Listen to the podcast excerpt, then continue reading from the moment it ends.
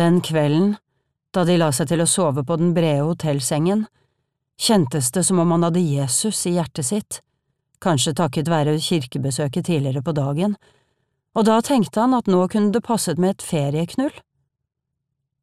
Hans kone var full og allerede på vei i søvn, men det var vel ingenting som ikke litt god kønnelinges kunne rette på.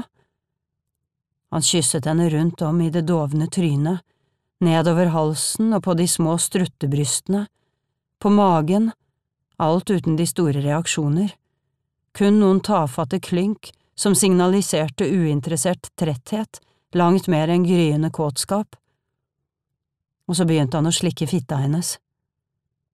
Hun var temmelig svett i skrittet etter dagens vandringer, men han kunne nå bære over med duftene.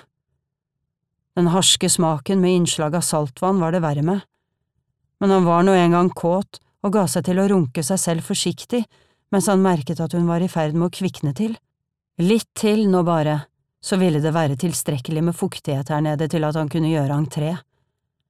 Hennes små, søvnige stønn økte noe i hyppighet og tilstedeværelse, og han fomlet seg oppover og penetrerte henne, hu hei hvor det var godt, ja ja, like godt hver gang i grunnen. Jesus, Jesus, Jesus, mumlet han.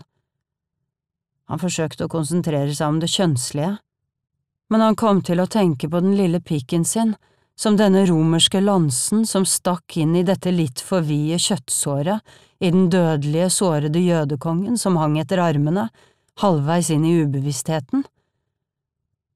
Han lyttet til sin kones klynking, som nå var mor Marias jammer ved korset, og han så for seg den hårete, hellige, jomfruelige fitta hennes gapende av moderlig sorg, og så kom han.